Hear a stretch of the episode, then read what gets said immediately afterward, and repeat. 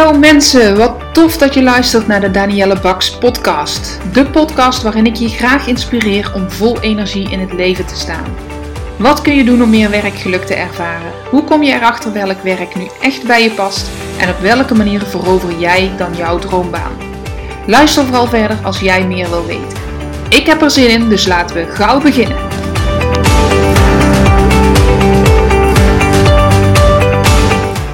Hallo, daar zijn we weer met vandaag fase 2 van de drie fases voor werk dat bij je past. In de vorige podcast heb je kunnen horen welke drie fases er zijn en welke negen stappen die fases behelzen. Zo zeg je dat toch? Ja, volgens mij wel.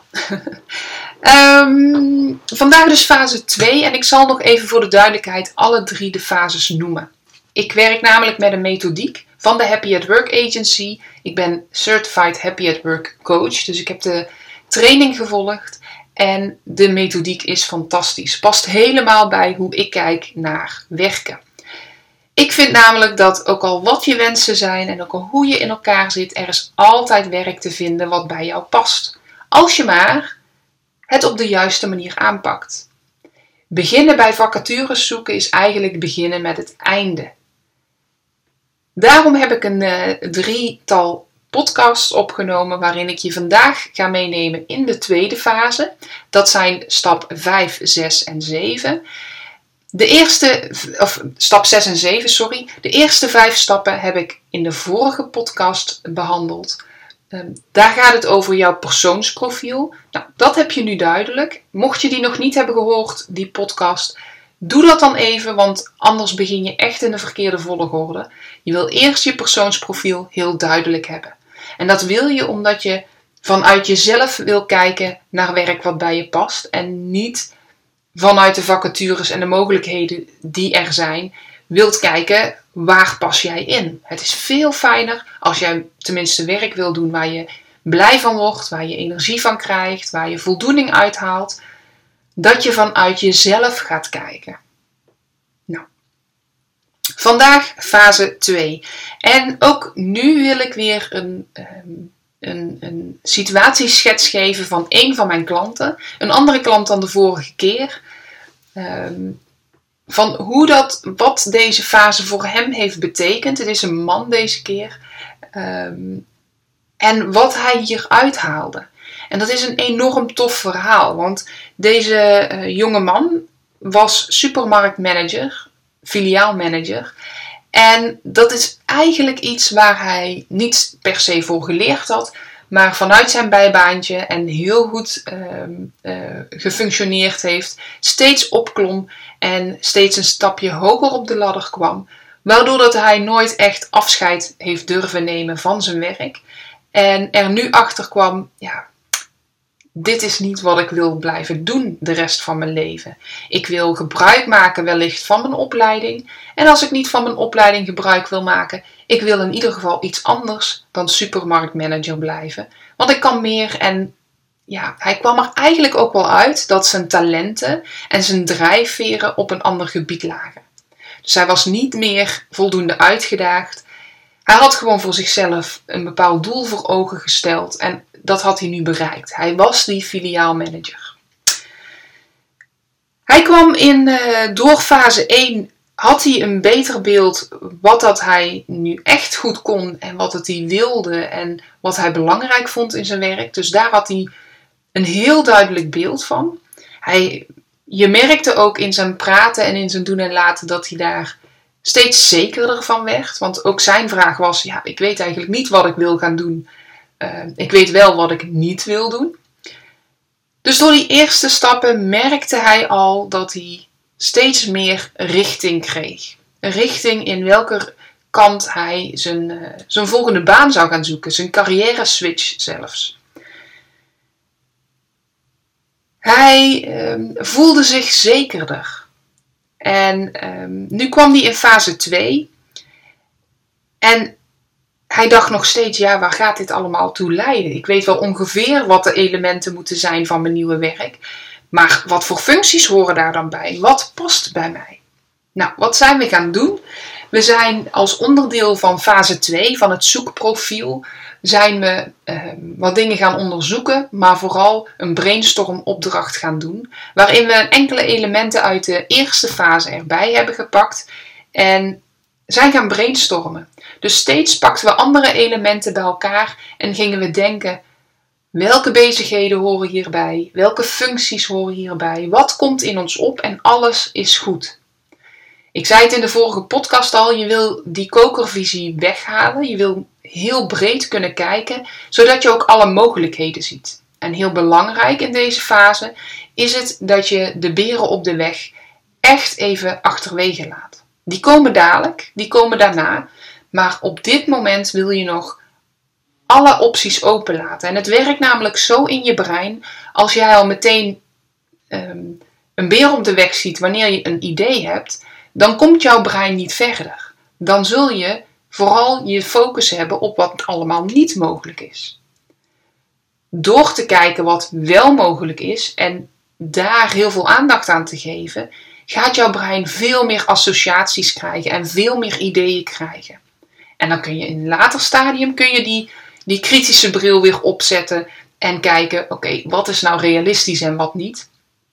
Maar in het eerste stuk wil je echt een soort van dromer zijn. Als je de Disney-methode kent, dat is uh, zoals Walt Disney himself ook ehm, het park heeft gebouwd. Die ging eerst dromen. Die had drie kamers. En in die eerste kamer, dat was zijn droomkamer. Daar, daar, daar mocht hij dromen en daar kwamen de meest geniale ideeën uit. De tweede kamer, dat was de realist. Dan pas ging hij kijken: oké, is dit allemaal wel realistisch?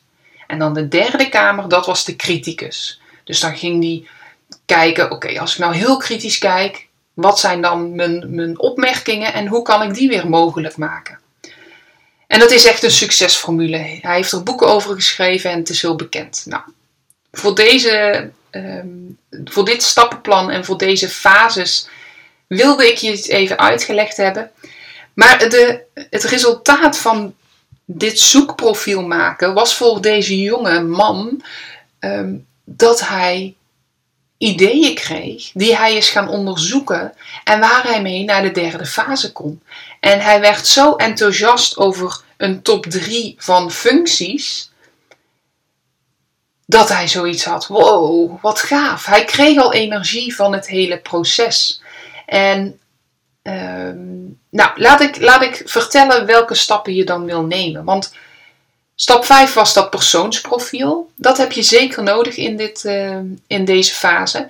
En stap 6 is dat je stil gaat staan bij wat is nu eigenlijk jouw persoonlijke definitie van succes? Is dat een dikke auto en een, een riant salaris? Is dat dat je genoeg verdient zodat je twee, drie keer op vakantie kan? Wil je een vrijstaand huis? Of is dat heel wat anders? Hoef jij niet per se leidinggevende of manager te worden om succesvol te zijn?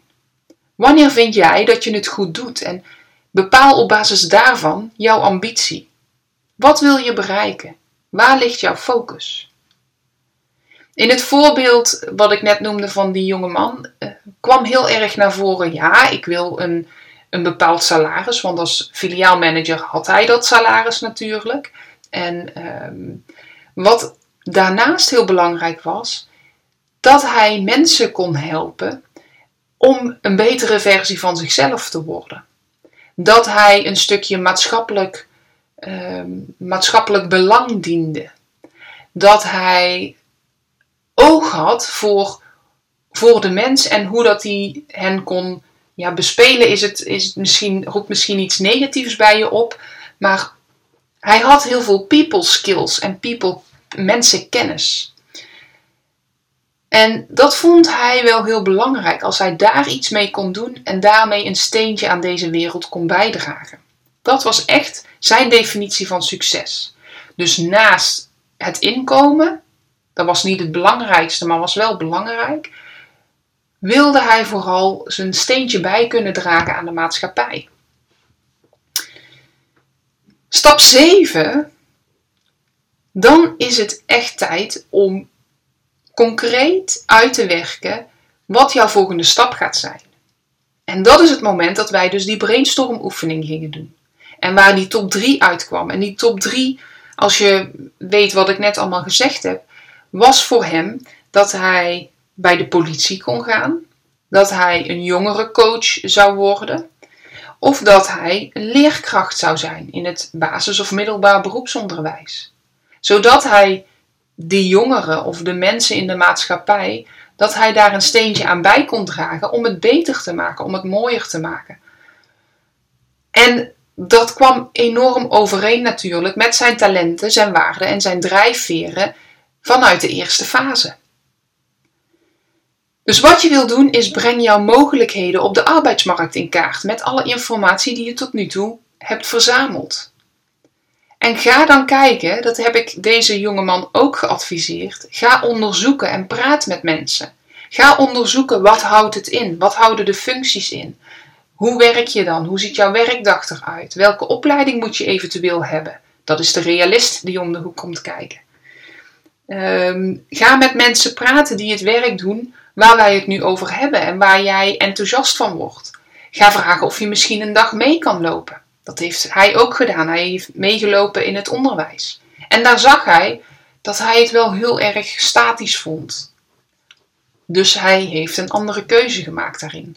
Maar als hij niet onderzocht had en het zij-instroomtraject van het onderwijs was gaan volgen, waarna dat hij over een half jaar of een jaar erachter kwam: hmm, dit was het toch niet? Dat was zonde geweest. Dus je wil het grondig onderzoeken. Je wil kijken en praten en netwerken. En het mooie daarvan is, als jij netwerkt en als je met mensen praat die die baan doen waarvan jij denkt dat het misschien iets voor jou is, voor hetzelfde geld komt daar dan al een baan uit. Want die mensen, die weten wanneer dat ze weggaan. Die weten wanneer er een vacature vrijkomt. En ze hebben jou al gezien. Je hebt een indruk achtergelaten van hoe jij bent. Dus ze weten ook, hey, hij was echt geschikt voor die baan. En zo kun je die baan krijgen. Netwerken is heel belangrijk. Dat komt in stap fase 3 ook nog naar voren. Dus ehm, stap 6, sta stil bij wat jouw definitie van succes is. Waar wil je op focussen? En stap 7, kijk dan wat de mogelijkheden zijn. En je denkt misschien, hé, hey, dat zijn maar twee stappen, daar ben ik zo mee klaar, maar vergis je niet. Onderzoek doen, als je dat goed wil doen, dat vergt van je dat je na onderzoek op de computer eh, door dingen te googelen, ook contact hebt met mensen, achter die computer vandaan komt, afspraken maakt.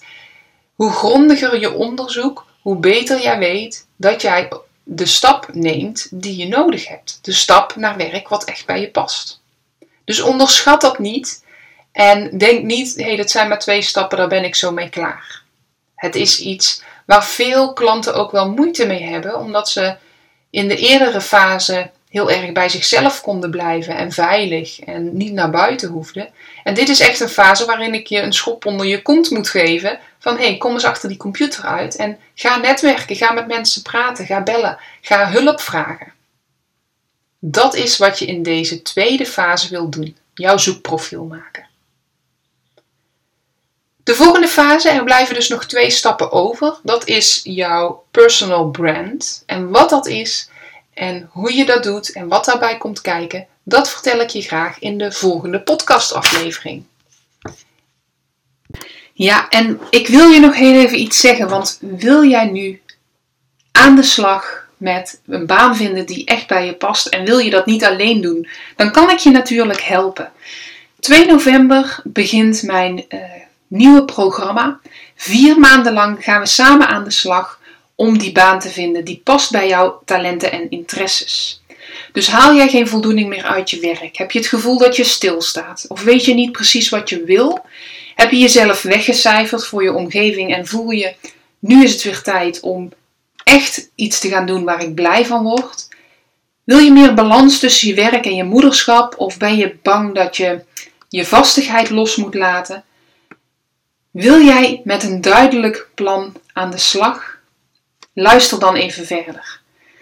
Want hoe zou het zijn als jij, als ik jou mag begeleiden bij jouw volgende stap in jouw loopbaan? Dat je een plan hebt met meer structuur. Dat je jouw unieke talenten en interesses ontdekt en daarmee aan de slag kunt gaan. Dat je meer balans hebt tussen je werk en je privé. En dat je jezelf vooral nog veel beter leert kennen. Dat glasheldere verhaal, waar we het in deze podcast en in de vorige podcast over hebben gehad, dat je dat kan gebruiken en vol zelfvertrouwen jezelf kan presenteren in netwerkgesprekken en sollicitatiegesprekken. Het hashtag Droombaanprogramma start 2 november. En het is een viermaands programma waarin jij zelf kiest hoe intensief je aan de slag wil. Er is een groepsvariant, er is een live variant en er is een VIP variant. Kijk op mijn website en ik vertel je daar er alles over.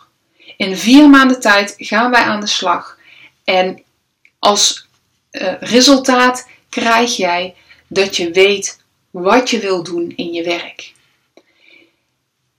Voor wie is dat programma? Voor vrouwen die het beste uit zichzelf willen halen. Voor vrouwen die zelf de regie willen nemen in hun loopbaan en weer ja, durven te kiezen voor zichzelf. Je gaat je omringen met positief ingestelde andere vrouwen en weer met hun met plezier naar je werk gaan. Vraag een gesprek met mij aan, dat is mogelijk via de website of stuur me een mailtje. Maar laat mij met je meedenken, zodat we kunnen kijken of het programma iets voor jou is.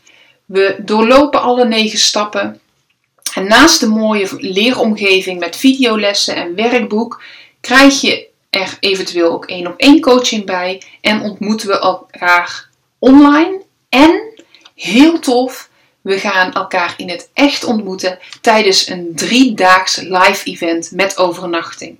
Dus heel even uit je, je, je dagelijkse drukte en heel even echt ruimte, tijd en focus op jezelf.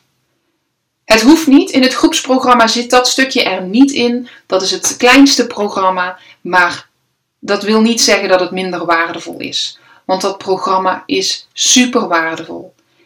De live dagen zijn nog waardevoller en de VIP variant heeft ook nog één op één coaching erbij. Ik nodig je heel graag uit voor een online afspraak om samen te kijken naar jouw wensen, naar jouw verlangens en of het programma daarbij past. Dan luister ik en vraag ik naar jouw eh, situatie, naar jouw verlangens, naar jouw behoeften en um, ja, vraag gewoon dat vrijblijvende kennismakingsgesprek aan. Want het is zo'n enorm tof programma. Ik heb voor de live dagen maar zes plekken. Vanwege de overnachting en vanwege corona. Ehm, ja, moet iedereen een eigen kamer kunnen hebben om te overnachten. Dus ik heb maar zes plekken voor die twee opties. En uh, één plek is er al vergeven. En ik heb nog niet eens eens mijn programma officieel gelanceerd, want het is pas 2 november en vandaag de dag is het 17 september dat ik deze podcast opneem. Dus het is zo gaaf. Er zijn zoveel mensen die enthousiast hebben gereageerd en vooral, ik liep namelijk ehm, een aantal maanden geleden door een weiland. Ik was zelf een aantal dagen van huis om met mijn programma bezig te zijn als eh, deelnemer zelf. En ik liep door een weiland met koeien. Het begon te regenen. En het interesseerde me allemaal niet. Want ik, was, ik zat zo lekker in mijn vel. Omdat ik letterlijk en figuurlijk afstand had genomen van mijn huidige situatie. En kon kijken, wat wil ik nu echt? En die rust, die ruimte en die tijd voor jezelf. Ik heb me toen in dat weiland voorgenomen. Dat gun ik aan iedereen. Dat gun ik aan veel meer vrouwen die druk zijn met hun werk, met hun leven, met hun kinderen, om daar even afstand van te kunnen nemen. Dus vandaar dat die live dagen onderdeel zijn van het programma. Als jij dat wil, uh, ja, het is super gaaf. Ga op mijn website kijken www.daniellebaks.nl en Baks schrijf je met een X. En dan uh, hoor ik het graag als je met mij wil sparren of het programma wellicht iets voor jou is of dat je andere stappen mag nemen. Oké, doei doei. Succes! Mensen, dankjewel voor het luisteren naar mijn podcast. Mocht je deze aflevering interessant hebben gevonden, maak dan even een screenshot en tag me op Instagram Stories. Ik vind het ontzettend leuk om te zien wie er luistert en door te delen inspireer jij ook anderen. Hartstikke bedankt alvast en tot de volgende keer.